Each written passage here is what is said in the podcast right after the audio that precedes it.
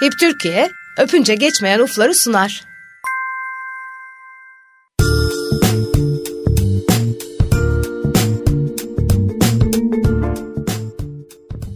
Merhaba bir salı günü yine buluştuk Öpünce Geçmeyin Uflar programında. Ben Deniz Karadeniz. Bugün konuğum Betül Bahçeci. Bebek hemşiresi. Benim çok soracaklarım var Betül. Hoş geldin. Hoş bulduk. Teşekkür ederim. Valla dört gözle beklediğim konuk yani şu an. Ya canımsın. Biz de sağlıkla bekliyoruz inşallah. Sağlıkla kucağına alırsın Deniz ablacığım bebişini. İnşallah valla. Geri sayım başladı tamamıyla. evet çok az kaldı. Çok güzel bir duygu. Vallahi heyecanla bekliyoruz. Evet, sen tabii yılların deneyimlisi, bu alanda uzmansın. Bir dünya title'ın var. En başta bebek hemşiresisin ama bunun yanı sıra işte emzirme danışmanısın, ilk yardım eğitmenisin, bir sürü değil mi bildiğin?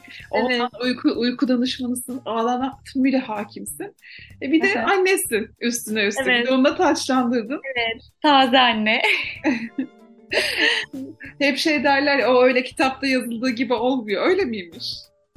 Ya aslında e, ben hep şey diyordum. Terziyken herkes bana diyordu ki Betül'cüm ne kadar güzel işte kendi çocuğun olduğunda ne kadar güzel bakacaksın ona diyordu. Ben de hep şey diyordum. Terzi kendi söküğünü dikemezmiş. Ben öyle olacağını düşünmüyorum diyordum. Ama hiç de öyle değilmiş. Terzi kendi söküğünü dikti vallahi. Oh. Beni hiç zorlamadı. Çok güzel, çok keyifle geçiyor. Ee, her şeyin üstesinden geliyoruz bir şekilde. Hani uyumlanıyoruz birbirimize. O anlamda bence çok güzel ve keyifli gidiyor şimdilik sanıyorum birbirinin dilini öğreniyor anneyle bebek ya da babayla evet. bebek bir süre sonra. Evet evet. Yani biz burada aslında şey diyoruz hep öyle tanımlıyoruz. İşte insanlar yurt dışına çıkıyorlar. Dil bilmiyorlar, iz bilmiyorlar ama orayı çok rahat bir şekilde gezebiliyorlar. E, fakat yanlarında bir rehber olsa oranın her şeyini daha detaylı anlatır, daha güzel gezdirir, en ince ayrıntısına kadar e, gösterir. Bu da bizim işte onun gibi bir şey. İnsanlar tabii ki de bebeklerine bakabilirler ama yanlarında bir rehber varsa, işin uzmanı bilen birisi varsa o süreç daha keyifli geçiyor. Ee, biz şimdilik sizin işte tercümanınız oluyoruz ilk dönemlerde ama üçüncü ay mesela işte geldiğimde ev ziyareti yaptığımda diyorum ki Deniz abla diyorum bu çocuk niye ağlıyor diyorum. İşte acaba gazı mı var diyorum. Sen bana diyeceksin ki hayır Betül'cüm artık uykusu geldi o yüzden ağlıyor diyeceksin. Artık ben uzak kalacağım. Şimdi ilk zamanlar tepkileri çok net belli oluyor. Niye ağladığı işte hareketlerinden ama e, bir süre sonra bebek aileyle uyumlandığı için sen onu çok net tanıyabiliyorsun artık. Onu çözmüş oluyorsun. Bu sefer ben uzak kalıyorum ona. O yüzden e, birbirini tanıma gerçekten detaylı bir şekilde gözlemleme süreci ilk dönemler. Evet. Tam aslında algılarımızın açık olması gerektiği yerler değil mi? Evet. Ne demek istiyor? Ne yapıyor şu anda? Tabii. Ama şu anda insan kendini şöyle hissediyor. Ben hiçbir şey bilmiyorum. Diyor. Hele, hele sektör o kadar karışık. Sürekli bebekle ilgili ürünler karşıma çıkıyor. Ay, bu lazım mı diyorum. Ya. Alsam mı almasam mı? Bu sefer aynı ürünün bin çeşidi var. Acaba hangisi doğru? Bir de onları yaşıyorum. Doğru yani çok, çok haklısın. Yani evet. hamilelik sürecinde ben de öyleydim. Mesela doğum çantasını herkese dedim de, dedim ki mutlaka 32. haftada hazırla. Hani en kötü 34'te hazır olsun derdim. Ee, kendim herhalde doğuma git Doğuma gitmeden önce hazırladım. Aynen 38'den bildiriyorum hiçbir şey hazır değil. ya işte öyle oluyor. İşte kıyafetler yerleştiremedim dolaplarına. En çok hangilerini kullanacağım, ne yapacağım. Normalde ev ziyaretlerini ben gidip değiştirirdim, yerleştirirdim her şeyi. Hı-hı. Ama kendi bebeğimle onları yapamadım. Ama doğum sonrasında çok hakimdim. Ben senden kopya çektim bu arada. Senin ya çanta hazırlama videom vardı. Orada neler gerek diye yazmıştım. Ben onun ekran görüntülerini alıp bu da lazımmıştır. Oh. Hepsini kopyasını çektim. Ama keyifle izlemiştim o videolarını vallahi. çok teşekkür güzel ederim. Çok sağ ol. Keyifle de kullanın her birini. Şimdi birçok anne adayı aklı karışık. Herkes özellikle o yeni doğanda nasıl dokunacağım, ne yapacağım, neler doğru, neler yanlış. Hep böyle bir kaygıyla başlıyor. Aslında sana soracağımız ilk soru, ilk bebekle karşılaştık. Ne yapacağız? Yeni doğana nasıl bakacağız? Şöyle, bebekler diyoruz ki evet, öcü değiller yani. O yüzden onlardan korkmuyoruz. Kucağımıza alıp sarmalıyoruz. Ee, birçok bilgi var aslında güncellenen bazıları işte hastanelerde hala güncellenemeyen bilgiler de mevcut. O yüzden mutlaka doğru yerlerden e, araştırma yapsın sevgili ebeveynlerimiz, anne baba adaylarımız. E, örnek veriyorum işte en basiti değişen bir şeyden bahsedeceğim. Göz bakımı. Şimdi bebeklerde diyoruz ki gözyaşı kanalları tıkalı doğabiliyorlar. E, genelde %90 bu şekilde oluyor. E, bu da ne demek? Göz çapaklanmaları yaşıyoruz. Gözlerde çapaklanma olabiliyor. Daha sonra eğer bu ilerlerse birazcık daha akıntıya doğru gidebiliyor. E, göz bakımını biz normalde önceden yani bundan 4-5 yıl önce içten dışa doğru dediğimiz yani gözyaşı kanalının hemen pınarın olduğu yerden dışa doğru kulağa doğru bir yönlendirmeyle temizlik yapıyorduk. Ama yıllar önce bu güncellendi. Şimdi dışarıdan içe dediğimiz yani kulaktan e, göz pınarına doğru geldiğimiz bir hamleyle temizlik yapıyoruz. E, ama bu hala bazı yayınlarda e, eski usul anlatılıyor. Şimdi buradaki mantık da şu. Biz diyoruz ki bütün sağlıkta pansuman temizden kirliye doğru yapılır. Biz ama yıllarca kirliden temize doğru gelmişiz. Aslında enfeksiyonu üreten yer bu göz pınarının olduğu yer. E biz ne yapıyoruz? Onu alıp bütün göze yayarak gidiyoruz. Dolayısıyla şimdi onu yapmıyoruz. Tam tersi uygulamalar yapıyoruz. Sağlık dediğimiz şey dün doğru anlattığımız şey bugün yanlış olabilir. Çünkü araştırmalar her gün güncelleniyor, yenileniyor. Dolayısıyla hep güncel bilgi takip etmelerini öneririm. Yani bir videoya baktıklarında mutlaka çekilme tarihine baksınlar, kontrol etsinler. Mutlaka teyitlesinler ailelerimiz. Ee, onun haricinde bebekler bize sinyal veriyorlar. Diyelim ki ben bebeği emzirmeye başladım. Ee, ama burundan hırıl hırıl sesler duyuyorum. Bebek yeterli nefes alamıyor. Bunu net bir şekilde anlıyorum. Ya da bir bakıyorum memeden sürekli giriş çıkış yapıyor. Yani iki tutuyor, memeyi emiyor, sonra tekrar kafasını çekiyor. Bir daha tutuyor, iki çekiyor, tekrar kafasını geri çekiyor. O zaman diyorum ki burada bir sıkıntı var. Yani bebeğin burnu da ötüyor e, demek ki burun tıkanıklığı olabilir. Peki burun tıkanıklığında yapmamız gereken şeyler neler? Bir kere oda sıcaklığını kontrol etmem gerekiyor. En çok burada gol yiyoruz. Ee, sen de çok karşılaşmışsındır belki Deniz abla. Şimdi bizim e, Türk insanı olarak sıcağı çok seviyoruz. Evet. Ee, oda sıcaklıkları hep fazla. Bebekleri kat kat sarıyoruz. Lahana, lahana gibi diyoruz biz onlara. Lahana bebek. Sarıp sarmalıyoruz ama e, bebeklerin o kadar sıcağa ihtiyacı yok. Hatta sıcağı sevmezler. Ortam sıcak olduğunda da burun konkaları genişliyor ve ödem yapıyor. Dolayısıyla aslında bebeğin burnunda bir kir yok. Fakat ortam sıcaklığına bağlı ödem oluştuğu için bir tıkanıklık, kırıltı duyabiliyoruz. Önce bunu değerlendiriyoruz. Oda sıcaklığım ne kadar? Yeni doğan için ideal ortam sıcaklığı 22-24 derece arası bizim için ideal sıcaklıktır. Eğer 24'ün üzerine çıktıysa mutlaka ortamı havalandırmalı ya da bebeğin üzerine e, inceltmemiz, sadece kısa kollu bir zıbınla tutmamız yeterli olacaktır. E, bütün bu şartları sağladık. Hala bebek kırıltılı bir solunum yapıyorsa o zaman da serum fizyolojik dediğimiz böyle minik tüpler içinde sıvılarımız var. E, onlardan bebeğin burnuna damlatıp ağız yoluyla çektiğimiz burun aspiratörlerimiz var. Bunlarla birlikte bebeğin burun temizliğini yapıp solunumunu rahatlatıyoruz. Özellikle yeni doğanda ağız yolu çekileni tercih ediyoruz değil mi? Vakumlar evet. var bir de. Onlar... Evet, evet. Yani şöyle e, o vakumlular ve titreşim de veriyor aynı zamanda. Bebeği birazcık ajite edebiliyor. E, hem de kontrol bizde olmadığı için ben birazcık daha tedirgin oluyorum onda. Ama ağız yoluyla çektiğimiz son derece e, doğal, manuel bir yöntem. E, hastane ortamlarında biz gerçekten böyle elektrikli süpürge gibi aspiratörler kullanıyoruz. Ya yani bayağı e, ne var ne yok çekip geliyor. Ciddi basınçlı aspiratörler bunlar. Onları kullan kullanmak bile güvenliyken ağız yoluyla çektiğimiz o aspiratörler çok çok daha güvenli. Sıkıntısız bir şekilde ailelerimiz kullanabilirler.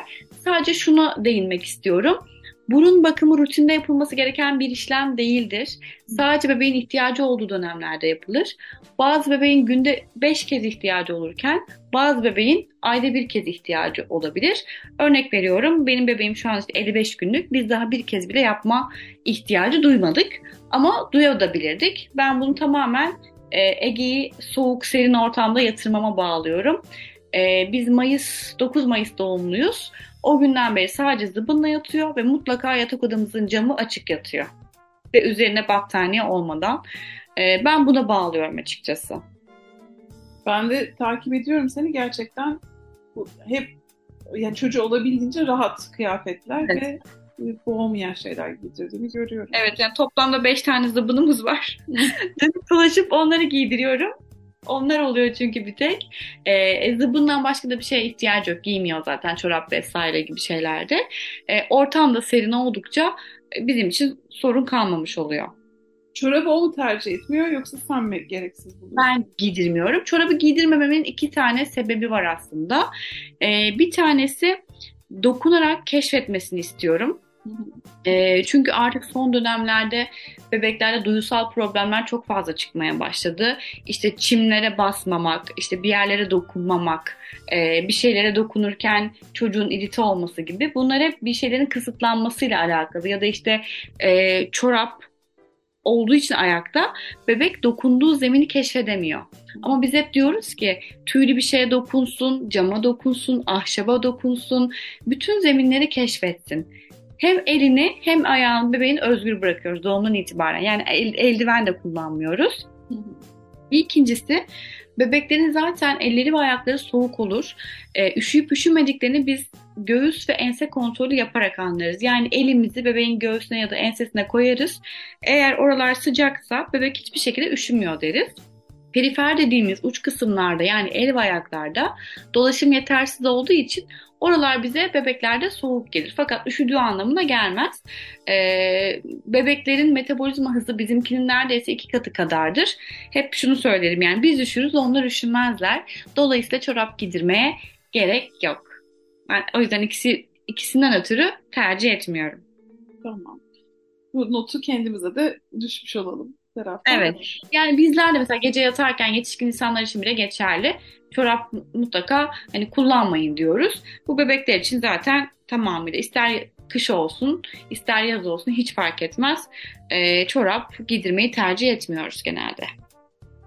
Peki az önce bir şey söyledin. Güncellenen bilgi demiştin. O yüzden Hı-hı. aklıma geldi bebeklerde işte gözüne süt damlatıp falan hala böyle şeyler var. Bunlar doğru mu? Ee, daha geçen gün karşılaştım. Ee, bir ailenin işte gözünde enfeksiyon olmuş bebeğinin işte hekime gidiyorlar. O da orada diyor ki işte gözüne anne sütü damlatın diyor. Ee, şimdi şöyle bir durum var. Anne sütü bebeğin tamamen ağız yoluyla alması gereken bir sıvı. Ee, bu şekilde aslında yaradan yaratmış. Yani bebeğin onu tamamen ağızdan almasıyla alakalı. Biz bunu göz, kulak, burun. Bu çünkü anne sütü sadece göze sabit kalmıyor. Burun ve kulağa da damlatılıyor. Onları da duyuyoruz. Şimdi anne sütü şekerli bir sıvı ee, ve ben bebeğin burnuna, kulağına bunu damlattığımda orası zaten yapış yapış olacak ve iyice o mukozayı iyice kapatmış olacağım. Ee, onun haricinde göz steril bir ortam. Ben oraya anne sütü damlatıyorum ve yine bir enfeksiyon üretiyorum. Hmm. Kesinlikle ve kesinlikle e, anne sütünü ağız yolu hariç hiçbir şekilde uygulamıyoruz. Yani e, hiç istemediğimiz şeyler. Genelde burun, göz, işte kulak bakın bunu zaten kulak yapmıyoruz da göz ve burunda serum fizyolojik olan sıvıları kullanıyoruz. Ama kesinlikle göze anne sütü damlatmıyoruz. Çünkü hala böyle öneriler internette de görüyorum. Yani tabii tabii. Tabii. Özellikle çok eski ya da böyle e, yaşı o, olan hekimlerimiz de bunu bazen önerebiliyor. Çünkü önceden öyleymiş gerçekten. E, anne sütü şifalı diyoruz. Ama dediğim gibi her gün e, yeni çalışmalar yapılıyor. İşte önceden biz de göz bakımını o şekilde anlatıyorduk. Hı. Ama sonra yenilendi e, ve değişti. Ya da göbek bakımından bahsedecek olursak bu da yine güncellenen bir bilgi. Evet. E, mesela işte hastanede çalışırken ben şimdi 10 yıldır bireysel çalışıyorum. E, o zaman şöyle örnek vereyim. 3 tane hekimimiz vardı çocuk doktorumuz. Birisi derdi ki göbek bakımı alkolle yapılacak. Diğer hekim derdi ki batikonla yapılacak. Bir diğeri de derdi ki temiz ve kuru saklanacak. Şimdi ben tek hemşireyim ve her odaya gittiğimde kimin hastasıysa ona göre bilgilendirme yapıyorum. Yani işte bir numaralı odaya girdiğimde diyorum ki batikonla yapılacak. İki numaralı odaya giriyorum alkolle yapılacak. Üç numaralı odaya giriyorum temize kuru saklanacak. Şimdi e, hepsine farklı bir bilgi vermiş oluyorum. Neden? Hekime göre değişiyor. Ama bu artık değişti. Dünya Sağlık Örgütü ve Sağlık Bakanlığı'nda e, tamamen kuru ve temiz saklanılması isteniyor. Herhangi bir enfeksiyon yoksa. Enfeksiyon durumunda zaten çocuk doktorlarımız bizi yönlendiriyorlar. Ona göre bakımını yapmış oluyoruz. Ama şu anda göbek kordonuna hiçbir şekilde e, bir şey uygulamıyoruz. Peki e, ne kadar sürede düşer ve o düşene kadar duş kesinlikle yasak değil mi? Heh, şimdi onu söyleyecektim. Normalde biz o solüsyonları damlatırken göbek kordonun düşme süresi çok uzuyordu. Yani 14 gün 21 gün arası oluyordu. Şu anda temiz ve kuru sakladığımızda genelde 7-10 gün içinde düşüyor. Da pardon 4-10 gün arasında düşüyor. Bizimki 4. gün düştü mesela erken düşenlerdeniz. Ee, banyo olayında da şöyle anlatayım. Normalde doğar doğmaz bebeği yıkayabiliriz. Hiçbir problem yok. Ama biz diyoruz ki bebek doğduğunda anne karnında vernix caseosa dediğimiz kremsi bir tabaka var ve bu bebeğin üzerine yapışmış beyaz bir tabaka. Bu bebeği hem enfeksiyonlardan koruyor hem de dışarıyla ısı alışverişini aslında sabitliyor, dengeliyor daha doğrusu. Bebeğin üşümesini engelliyor. Olabildiğince bu sıvının bebek vücudu tarafından emilmesini istiyoruz. Bunun için de 2-3 gün kadar yıkamayı önermiyoruz bebeklerimizi. Sonrasında eğer göbek kordonundan aile korkmuyorsa çünkü e, aileler olarak birazcık göbek kordonu dokunmaktan korkuyoruz. Canı acır mı? E, işte bazıları irite oluyorlar. Yani o göbek kordonu görüntüsü birazcık kötü gelebiliyor. Çok görmek ya da dokunmak istemiyor olabiliyor aile. Eğer diyoruz ki bundan çekinmiyorsan bebeğini tabii ki de yıkayabilirsin. Önemli olan göbek kordonunu güzelce kurulayabilmen. Eğer kurulayabileceğine eminsen bebeğini yıkayabilirsin. Hiçbir problem yok. Ama yok ben korkarım, dokunamam dersen orası ıslak kalırsa enfeksiyon üretebilir. Ee, bunu baştan aileye söylüyoruz. Aile artık kendi tercihini kendi yapıyor. Ben bebeğim göbek kordonu düşmeden de yıkadım. Ama biliyordum ki göbek kordonunu iyice kurulayacaktım. Ee, o yüzden herhangi bir sorun yaşamadık. Burada yani katı bir kuralımız yok. Tamamen aileye bırakıyoruz. Yeter ki göbek kordonunu kurulayabilsin. Peki. Güzel. Ben mesela düşene kadar yıkanmayacak diye biliyordum. Demek ki ha, yok. sebebi oymuş. Peki e, başka yeni doğanızda özellikle şunlara şunlara dikkat etmelisiniz dediğin yerler ben var mı? Şu anda yaz mevsimi. Ee, çok fazla artık sivrisinekler gündemde Hı. olmaya başladılar. Evet. Ve bebeklerde yeni doğan cilt özelliği dediğimiz bir şey var. Ee, bunlar yeni doğan cilt kızarıklıkları. Aynı sivrisinek ısırmış tarzında gözükür bebeğin vücudunda. Ama bunlar şöyle sabah kolunda görürsün mesela. Akşama koldaki kaybolur bacağa geçer. Değişkenlik gösterir ve vücutta gezebilir bu kırmızı lekeler. Şimdi sabah anne baba bir uyanıyor. Eyvah çocuğu sinek yemiş. Hepsi bir panik. İşte sinek ilaçları, e, sineklikler, her şey bir organize ediliyor, gözden geçiriliyor. Aslında bu yeni doğan cilt özelliği diyoruz e, ve kendiliğinden geçiyor. Onun haricinde böyle beyaz milya dediğimiz yağ bezeleri olabilir. Burun, çene, alın kısmında çok bunları görüyoruz. Bunlarla ilgili de herhangi bir dokunma işlemi yapmıyoruz. Bu arada aklıma bir şey geldi şimdi. O çok önemli. Ondan da bahsedeyim. Bebeklerde, e, yeni doğan bebeklerimizde kız veya erkek hiç fark etmez. Göğüslerde, e, memelerde şişmeler olabiliyor. Ve buradan e, anne sütü gelebiliyor bebeklerden. Şimdi önceden büyüklerimiz bu memeyi sıkarlarmış, işte masaj yaparlarmış. Doğrusu buymuş. Ama şu anda diyoruz ki kesinlikle ve kesinlikle yapmıyoruz. Çünkü bebekler de artık mastit olabiliyorlar. Yani orayı sıktığımızda bebeğin memesini anne sütü geliyor diye sıktığımızda, şişkinliğini boşaltmaya çalıştığımızda e, ciddi anlamda enfeksiyon e, oluşabiliyor. Dolayısıyla ciddi antibiyotik tedavilerine başlayabiliyoruz. Kesinlikle bebeklerin e, memelerini ovalamıyoruz, sıkmıyoruz. E, bu da çok yanlış bilgilerden bir tanesi ve güncellenen. Evet. E, daha çok kız bebeklerde olabilir diye duymuştum ama erkeklerde de olabilir. Erkeklerde de oluyor. Hı hı. Çünkü bu tamamen annenin hormonlarıyla alakalı. Anneden geçen hormonların etkisi de hem kız bebekte hem erkek bebekte olabiliyor. Hı hı. Peki yıkamaya başladık. Kaç günde bir yıkayabiliriz? Şöyle yaz kış hiç fark etmez. Biz her gün diyoruz. Özellikle bebeğe rutin oluşturmak istiyorsak e, akşam 7-7.30 arası en ideal saatler diyoruz. Çünkü işte genelde babaların da işten geliş saati o civarda oluyor. Gelsin bebeğiyle bir yarım saat vakit geçirsin. Ondan sonra yıkama işlemi olsun. 8-8.30 en geç 9'da gece uykusuna yatmış olmasını istiyoruz bir bebeğin. E, fakat anne çok yoruluyordur, baba işten geç geliyordur, ortam çok müsait değildir. O zaman diyoruz ki gün aşırı olabilir e, yıkamada sorun yok ama kışın bile normalde imkanlar el veriyorsa e, her gün yıkamayı istiyoruz bebeklerde.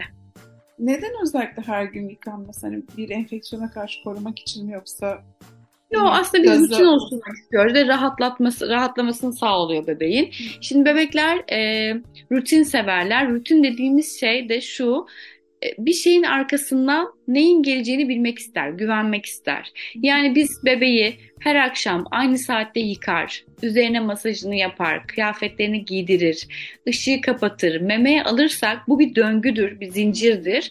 Ee, ve bebek buna bir süre sonra alışır. Alıştıktan sonra siz bunları böyle aşama aşama yaptığınızda zaten daha giydirirken bebeğinizin gözünün kapandığını görürsünüz. Çünkü bir sonraki etap memeye gelip e, emiyor olmasıdır ve uykuya geçiyor olmasıdır.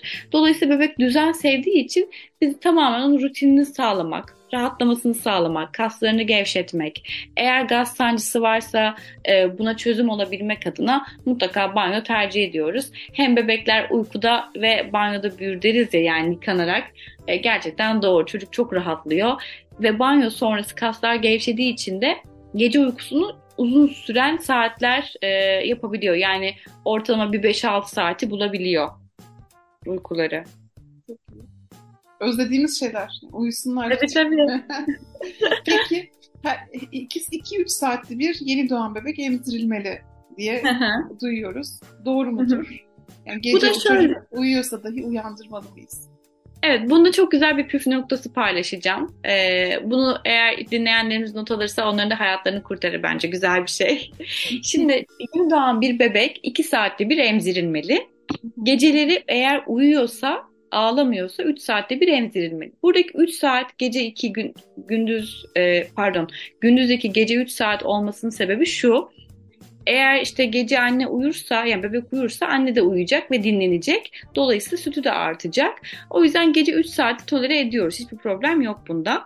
Peki ne zamana kadar? Şimdi biz hep bunu söylüyoruz ama ucu açık kalıyor. Diyoruz ki bebekler gündüz 2 saatte bir, gece 3 saatte bir emzirilmeli. Ama kimse ne zamana kadar diye sormuyor.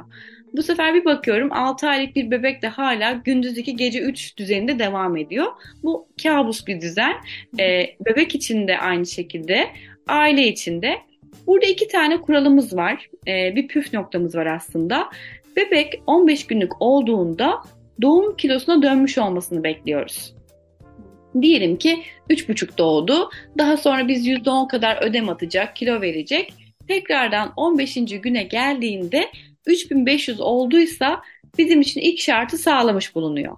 İkinci şartım da bu 15 gün içinde tamamen sarılığın ortadan kalkmış olması yeni doğan sarılığının. Eğer bu iki maddeyi sağlıyorsa bu saatten sonra diyoruz ki patron bebek. İster 2 saatte bir uyanır, isterse 6 saatte bir uyanır. Artık şeker regülasyonunu kendisi tamamlayabiliyor. Dolayısıyla e, acıktığında zaten ağlayarak uyanacak. Yani annelerin dayanabileceği o süre 15 gün. 15 gün idare ederseniz bebek doğum kilosuna geldiğinde zaten süreyi kendisi uzatıyor olacak. Hiç merak etmeyin. O zaman artık geceleri de kaldırmamız gerekmeyecek. Tabii. Yok yok aynen. Bebek gündüzde gecede kendisi ne zaman isterse o zaman uyanacak. Bu sefer şöyle bir durumla karşılaşıyoruz. Diyelim ki ben bunu yapmadım. 2 saatte ve 3 saatte bir kaldırmaya devam ediyorum. Hı hı. Diyelim ki besledim çok güzel ve bebeğimi 5 saat tok tutabilecek bir besin var midesinde. Ben ne yapıyorum? İkinci saatte onu dürtüp tekrar emziriyorum. Aslında dolu olan sindirilmemiş mideye bir daha besin yüklüyorum. Bu sefer gaz sancılarını ben başlatmış oluyorum aslında. Çünkü onu hala daha bir 3 saat daha tok tutacak bir besin vardı içeride. Ben kendim ekstra bir yükleme yaptım. Dolayısıyla bağırsağın dinlenmesine hiç müsaade etmedim. Ve orada bir gaz sancısı, gaz sıkışması olabilme ihtimali çok yüksek. Ve de e, şöyle bir örnek vereyim. Mesela işte işe gidiyoruz. Her sabah alarmı saat 7'ye kuruyoruz. Bir süre sonra biyolojik döngümüz ona alışıyor ve hafta sonu bile 7'de kalkmaya devam ediyoruz. Alarmdan 5 dakika önce uyanıyoruz belki de. Bebek de bunun gibi. Eğer biz onu her 2 saatte bir, her 3 saatte bir uyandırmaya devam edersek ve bu düzeni hiç bozmazsak Biyolojik döngüsü ona uyarlanıyor. 6. ayda da 2 saatte bir 3 saatte kalkan çocuklarla karşılaşıyoruz. Evet. Yani aslında hep e, rutinlere dikkat etmek gerekiyor. Tabii. Peki valla o kadar çok konu var ki. Değil mi aklımızı karıştıran? Hepsini... Aynen öyle. Hepsi derya deriz. Yani Evet. emzirmesi, bakımı, uykusu, e, beslenmesi her şeyi çok detaylı konular bunlar. O yüzden hani e, süre olsa saatlerce anlatabilirim keyifle. Evet. Mesela uyku konusunda da bazı bebekler çok geç uyuyor. Bazıları daha erken uyuyor. Orada mesela ben İngiltere'de yaşadığımda bir aileyle birlikte kalmıştım. Onların çocuğu 6 yaşındaydı ve 8'de her akşam uyuyordu mesela. Hı hı. E, O öyle bir rutin oturtmuş. Hatta Hı hı. bazen bana der ki Deniz yemekten sonra odana gelebilir miyim biraz birlikte takılalım mı derdi. ben de işte işim varsa mesela işim var dışarı çıkmam gerekiyor özür dilerim derdim. Ya Deniz ben zaten 8'de uyuyorum. Bak 6 yaşında bana böyle söylüyor. Ben zaten 8'de uyuyorum. 8'e kadar takılalım sonra çık filan diyordu. Doğru. Şöyle, akşam 6'dan sonra bir bebek için aslında gece uykusu başlamış demektir. Ee, burada tamamen tercih aileye kalmış. Şöyle, baba eğer işten 9'da geliyorsa ben o çocuğu ya da bebeği 8'de uyutamam. Çünkü zaten babayla hiçbir iletişim kuramamış oluyor. Dolayısıyla biz her evin dinamiğine göre eğitim sürecimizi birazcık değiştiriyoruz. Yani o saatleri birazcık uyarlıyoruz. Baba 9'da geliyorsa eee, bebek de 9.30'da uyuyor. En azından bir yarım saat, 15 dakika neyse onunla vakit geçirsin istiyoruz. Ama bunun en ideali tabii akşam 6 ile 9 arasında bebeğin tamamen uykuya geçmiş olması. Peki bunu kaç aylıkken oturtmalıyız ve kaç yaşa kadar böyle devam etmeliyiz?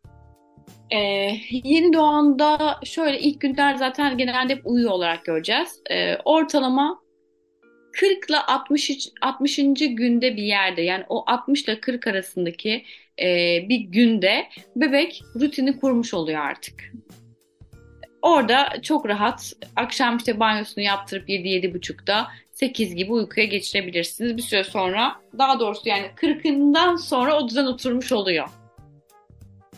Yani aslında ilk zamanlarda o ilk 15 günde şey, belki de cesaret edebilsek göbeği düştükten sonra Hı hı. duşunu akşam duşunu aldırıp ondan sonra uyku Evet. rutinine ot- oturtup onun 40. günlerde rahat rahat uykuya dalmasına Tabii bu anne ebeveyn için de çok konforlu çünkü o da biliyor saatlerini. Yani kaçta kalkacak? Tamam dakikası dakikasına uymaz ama maksimum 15-20 dakika taş çatlasın yarım saat şaşsın. Onun için de bir konfor. O da ona göre plan program yap- yapabilir. Peki bir de işte memede uyusun uyumasın, emerken uyusun uyumasın meselesi var. Hı hı. Hangisi doğru? Ee, şöyle bebeğin artık anneye bağımlı olmasını istemiyoruz. Yani anneden bağımsız bir şekilde de uykuya devam edebilmeli. Çünkü anne işe gidebilir, anne hasta olabilir, e, annenin işi çıkabilir. Dolayısıyla bu süreçlerde bebeği uykuya geçirecek farklı bir şey bulmak lazım. Bunda da en güzel teknikler bence e, çok güzel bir uyku arkadaşı. Aşırı seviyorum ve ikinci aydan sonra bebeklere mutlaka temin edilmesi gerektiğini savunanlardanım. E, emzik kullanıyorsa emzik bir uyku arkadaşı olabilir. Yani uykuya destekçi olabilir. Müzik olabilir. Bunlarda şöyle söylüyorum. Herkes işte Ayşe de, Fatma da, Ahmet de bir bebeğin poposuna pış pış yapabilir. Ee, eğer bunu alıştırırsanız işiniz kolay olur. Herkes bir emziği bebeğin ağzına verebilir uykuya geçiş için. Herkes işte bir müziğin tuşuna basabilir ama herkes emziremez. Sadece anne emzirebilir. Dolayısıyla kendi sürecinizi kolaylaştıracak şeyler bulmalısınız e, uykuya geçişlerde. E, Ege mesela hiç memede uyumadı. O kadar isterdim ki yani bir kez memede uyusun ama yok hep kendisi yatağında uyudu ve bir kez bile sallamadım. E, o kadar böyle sanki emeksiz büyüyormuş gibi geliyor ki yani hiçbir şey öğretemiyorum çocuğa. Kendisi zaten öğrenmiş ve gelmiş gibi devam ediyor hayata. o yüzden hani çok böyle istediğim şeyleri yapamadım onda. Kendisi hepsi yaptı. E, ama bu tarz şeyler işinizi çok çok çok kolaylaştırır. Yani uyku arkadaşı deyince sadece aklımıza gelen bu ticari satılan uyku arkadaşları oluyor ama aslında onun dışında da eşlik edebilecek herhangi bir şey uyku arkadaşları diyorsun. Tabii ki. Aynen öyle. Yani müzik olur. Dediğim gibi yani poposuna belki pış pış olabilir. Emzik olabilir. Bunlar hep uyku destekçisidir. Peki. Çok teşekkür ediyorum. O kadar güzel şeyler anlattın ki valla daha da anlatsan dinleriz. Ama Ben yormayalım. teşekkür ederim. çok fazla. Estağfurullah çok keyifliydi benim için de çok mutlu oldum. Son olarak paylaşmak istediğim bir şeyler var mıdır kapanış için? Şöyle benim e, annelere tavsiyem olsun buradan. Ben de şimdi önceden bir bebek hemşiresi olarak kon- konuşuyordum. E, uzaktan davulun sesi hoş gelir de diyor olabilirlerdi belki içlerinden. Ama şu anda hani yeni taze bir anneyim. Loğusalıktan da yeni çıktım. E, loğusalığı belki de biz kendimize birazcık e, kıyafet gibi giyiniyor da olabiliriz. En güzeli bebekle gerçekten iletişim halinde kalıp onun tüm hareketlerini gözlemleyip acaba ne derdi varı çözümleyebilmek, işte dışarı çıkabilmek, bir kuaföre gidebilmek, sokakta belki 5-10 dakika yürüyüş yapabilmek, bebeksiz de olabilir bunlar, bebekli de olabilir. İnanın 5 dakika çıktığınızda zaten özleyerek koşa koşa geliyorsunuz. Ama e, ilk günden beri biz beraber çıkıyoruz. İşte kanguruyu alıp markete gidiyorum. E, ağlar mı diye korkmuyorum. Ağlarsa ağlar hiç problem değil. Bebek bu ağlayabilir. İşte altına yaptıysa sağa çeker değiştiririm. Acıktıysa oturur bir yerde emzirme önlüğümü takar emziririm. E, bunların hiçbiri çözülmeyecek şeyler değil. Ve siz bunlardan kaçarsanız eğer işte ağlarsa ne yapacağım? altı işte altına yaparsa ne yapacağım diye kaçar ve kendi konforunuzun e, dan ödün verirseniz aslında bu sefer e, mutsuz ebeveynler oluyoruz. İşte akşam eşiniz işten geldiğinde mecburen ona sarmak zorunda kalıyoruz. Süreçler birazcık değişiyor. Ee, burada dengede kalabilmek, kendi ruh sağlığımız için de e, çok çok önemli. O yüzden kendinize vakit ayırın. Bebeklerinizi güvendiğiniz insanlar varsa onlara emanet edin. Bir saat bir arkadaşınızla kahve için sohbet edin ya da beraber gidin nasıl mutlu oluyorsanız ama mutlaka ve mutlaka ne olur kendinize vakit ayırın diyorum. Evet güzel bir nasihat aslında. Teşekkür ederiz. Yani çünkü şöyle ben kendimde şunu fark ettim. Gebe kaldıktan sonra. Hı. Mesela bir ilaç içiyorum. İnşallah çocuğuma şifa olmuştur. İnşallah ona sağlık olmuştur. Hep böyle sonra etrafta gitse inşallah sana da olmuştur filan diyorlar. Ya da işte bir şey yiyorum. Oh inşallah ona yaramıştır. E sana da yaramıştır filan deyip böyle bir düzelttiklerini yakalım. Demek ki böyle sistem yani ya da frekans değişiyor yani. Onun için her şey olsun gibi bir şey gidiyor. Bu senden mesela kucağına almadan daha çok ona endekslenmişsin. Yani Hı-hı. anne tüm benliğinden vazgeçiyor anne olduktan sonra ama anne hala eş. Kocasına Hı. hala bir eş. Ee, işte evladına tabii ki anne. Ama onun da bir annesi var. Onun kızı. Ee, sıfatları hala devam ediyor diğer sıfatları. O kendi başına bir işte sen Deniz'sin ben Betül'üm. Ya benim hala e, yaşam enerjim e, ya da içindeki oluşumum, işim, arkadaşlarım, Hı-hı. dostlarım, akrabalarım her şey devam ediyor. Bana sadece yeni bir birey katıldı ve onunla birlikte aynı sürece uyumlanmaya çalışıyorum. Hı-hı. Kesinlikle öyle. Yani kendimizi unutmayalım. Ama kendimden vazgeçmiyorum. Aynen öyle. Çok teşekkür ediyorum. Ağzına sağlık. Şimdi ben teşekkür ederim. Daha yakından tanımak isteyen insanlar, merak edenler, soracak soruları olanlar nereden sana ulaşabilirler? Instagram'da bebek alt tire hemsiresi olarak e, hesabım var. Buradan bana ulaşabilirler. E, dilerlerse işte oradan iletişime geçebiliriz. Onun haricinde merhaba et Betül Bakcıcı olarak web sitesi web sitem var. Yine oradan iletişime geçebilirler. E, betülbakcıcı.com'dan. Bu şekilde ulaşabilirler. Peki çok teşekkür ediyorum. Ağzına sağlık, emeklerine sağlık. Ben teşekkür ederim. İyi ki varsın. ben de öyle. Çok teşekkürler davet ettiğin için. Rica ederim. Öncelikle sana teşekkür ederim. Serdar ve Ece'ye teşekkür ederim hep yanımızda oldukları için. Dinleyicilerimize çok teşekkür ediyorum. Sizleri seviyorum. Eyüp Türkiye'ye teşekkür ediyorum. Bu yolda bizimle yoldaş olduğu için. Haftaya aynı saatte görüşmek üzere. Hoşçakalın. Hip Türkiye öpünce geçmeyen ufları sundu.